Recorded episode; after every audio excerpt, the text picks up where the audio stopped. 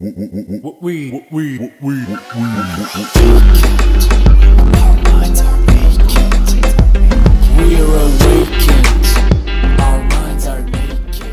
svima, ja sam Martina Đokić, a vi slušate podcast Mentalni nudista. Nalazimo se u epizodi 9 sezone 2 i krećemo na jedan zanimljiv put tema koje slijede u narednih par epizoda i dalje smo u temi tijela, ali Ovom epizodom počinjem sa nekim odnosom prema tijelu, odnosno ime kako percipiramo svoje tijelo, kako društvo percipira naše tijelo, kako hranimo naše tijelo, kako e, hranu percipira naša glava i tako dalje. Tako da ova epizoda govori o toksičnom odnosu sa hranom i kao što čujete po mom glasu i dalje sam malo promukla, ali sam prilično ozdravila. I Dakle, u ovoj epizodi želim malo da govorim o demonizaciji hrane, o hiljadu jednoj perspektivi toga šta je zdravo, šta nije, šta treba da se jede, šta ne treba da se jede, šta šta znači, pa dijelimo hranu po krvnim grupama, po reonima, po porijeklu, po ne znam nija s čemu sve ne.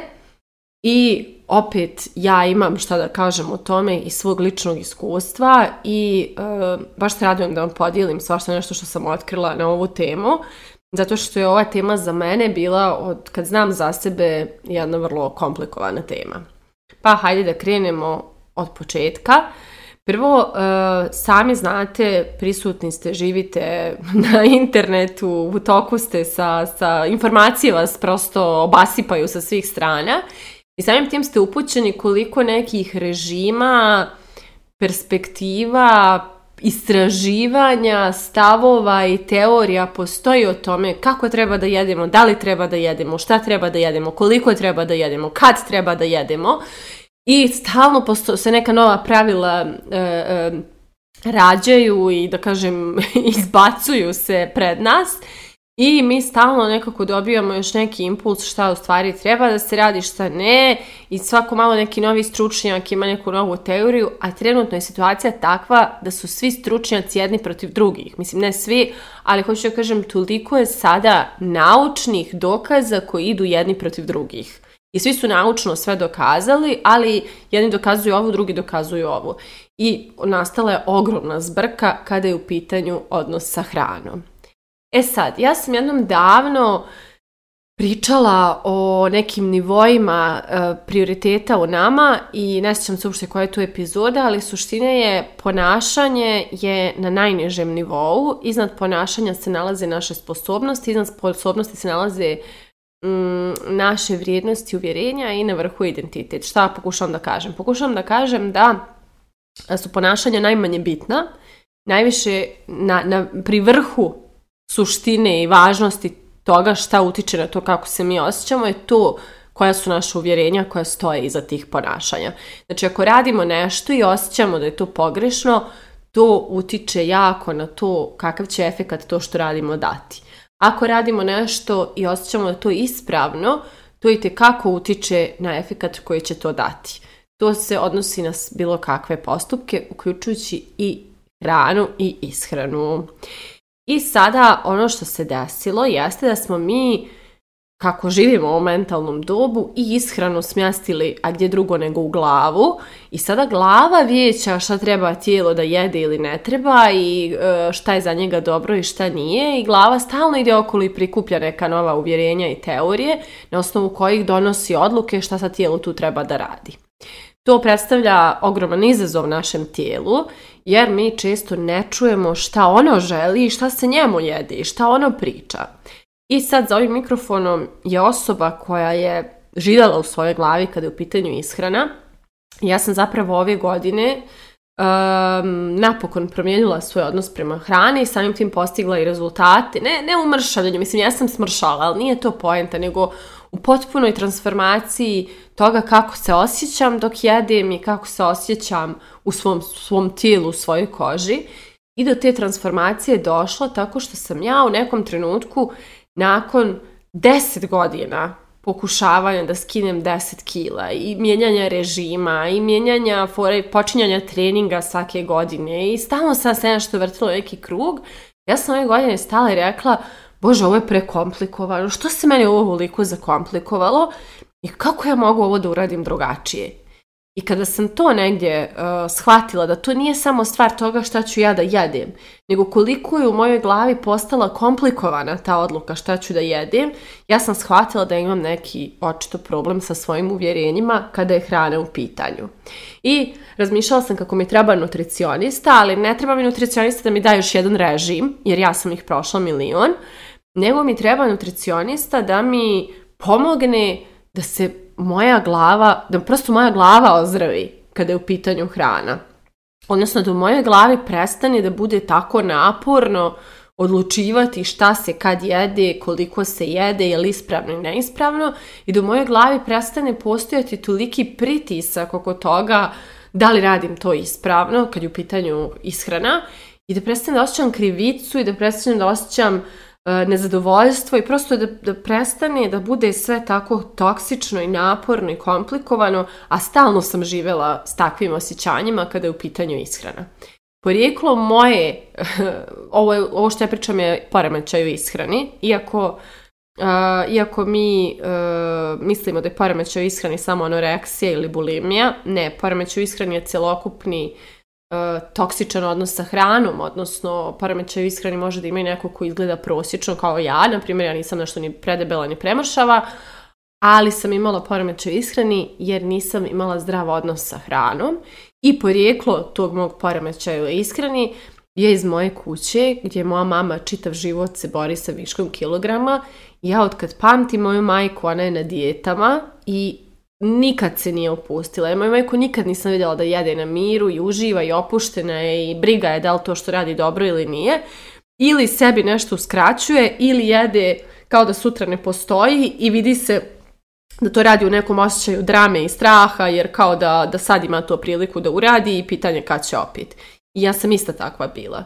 Ja sam stalno bila u nekom režimu, nekom, da kažem, komplikovanju, a onda bih, e, kada se otpustim od tog režima, otišla u pretjerivanje. I to je nešto što je baš česta pojava. I evo da hoću, da vratim sad temu na suštinu, e, ishrana nije u glavi. Znači, naša odluka što treba da jedemo ne treba dolazi iz glave.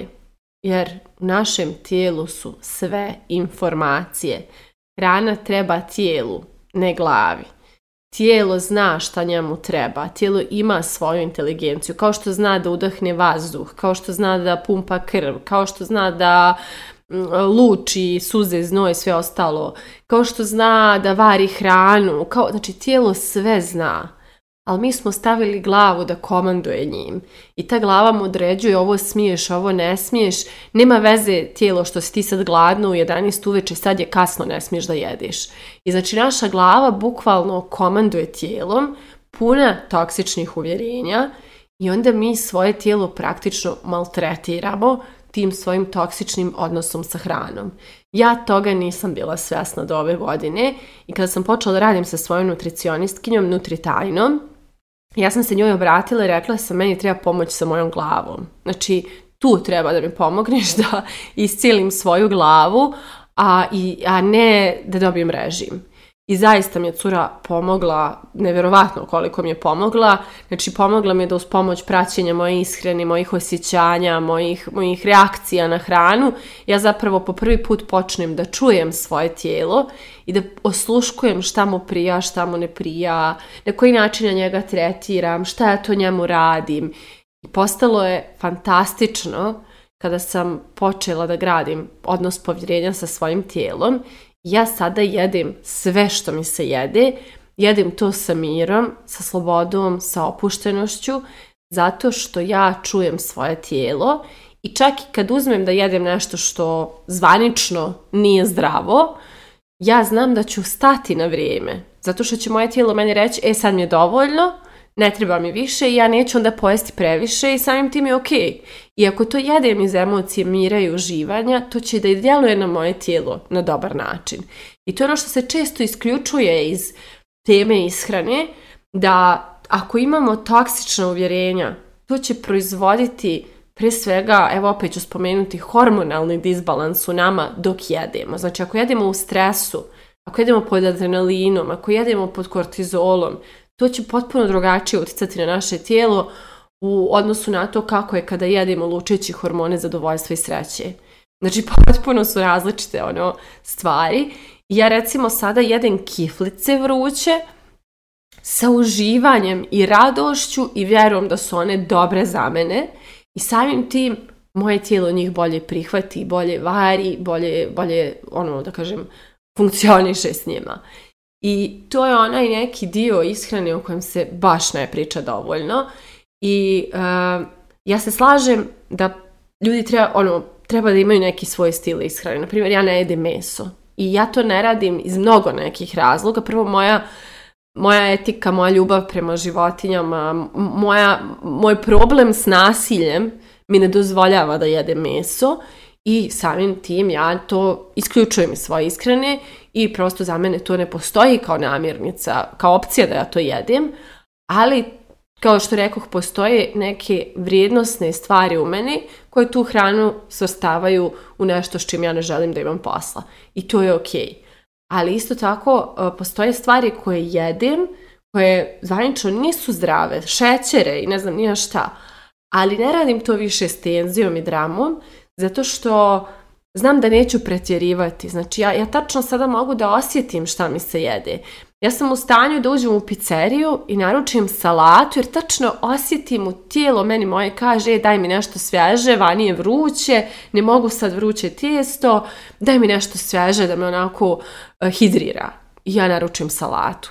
Ali ja dugo nisam čula to svoje tijelo i nisam ni razumjela što mi priča, nisam slušala šta mi priča kad, je u pitanju, kad su u pitanju njegove potrebe.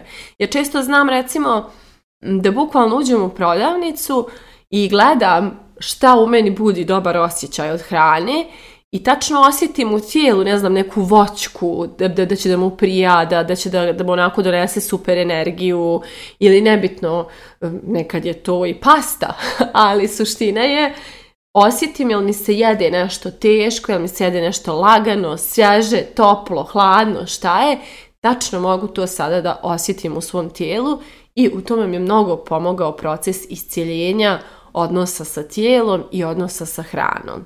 I s obzirom da je ova tema nešto o čemu se ne priča previše, a i tekako je zastupljena među svima nama, upravo moja nutricionistkinja i ja smo odlučili da napravimo program koji se bave isciljenjem odnosa sa tijelom i odnosa sa hranom. Ona će to raditi s aspekta nutricionizma, hormona, toga kako što utiče na naš organizam, a ja ću raditi to s aspekta misli i uvjerenja, kao što sam radila i kroz svoj sobstveni primjer i došla do tog isciljenja.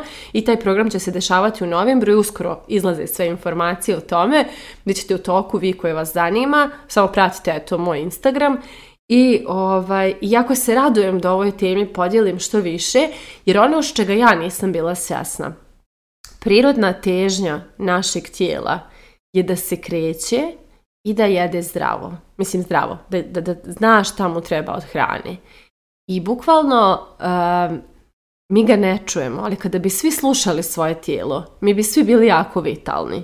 Zato što zdravo tijelo koje je uvaženo, samo traži, daj da prošetam, daj da se istegnem, daj da, ne znam, odem u prirodu. Znači, tijelo tačno ima tu potrebu, samo naša glava komanduje njim i ne sluša ga i potpuno guši sve njegove signale koje, on, koje ono pruža i kada nešto traži, glava to, da kažem, učutkuje, jer ima posla, mora ovo, mora ono i tako dalje. Također naše tijelo, osim što bi željelo uvijek da bude u pokretu, željelo bi da jede stvari koje mu odgovaraju, kad mu odgovaraju. Znači ako u toku dana nije dobilo dovoljno hrane koja mu prija, ako nije dobilo ono što mu prija, ono će tražiti da jede i uveče. I u redu i da jedemo i uveče i kasno i kad god, ako ćemo slušati šta nam tijelo priča i ako to što jedemo ne radimo iz glave koja je isfrustrirana pa pokušava hranom nešto da nadoknadi, što sam ja često i radila.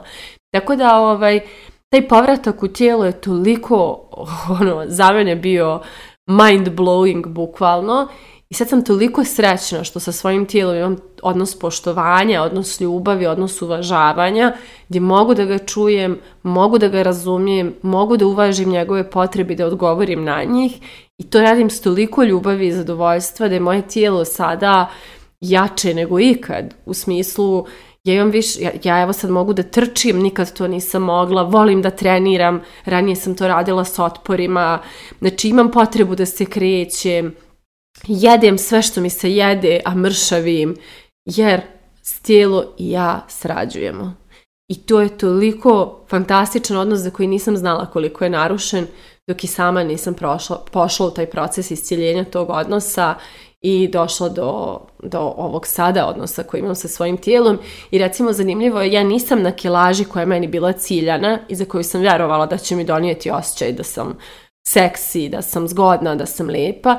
Ja sam padala, nisam daleko od te kilaže, ali nisam, nisam joj blizu, a ja se osjećam vrlo samouvjereno, vrlo zadovoljno svojim tijelom i to se vidi, to se osjeća. Ja sam sad ono privlač, kako sam sama sebi privlačnija i uživam u svojoj koži, tako i oko mene odjednom i pregršt muškaraca i koje čega, jer nekako očito zračim drugačije.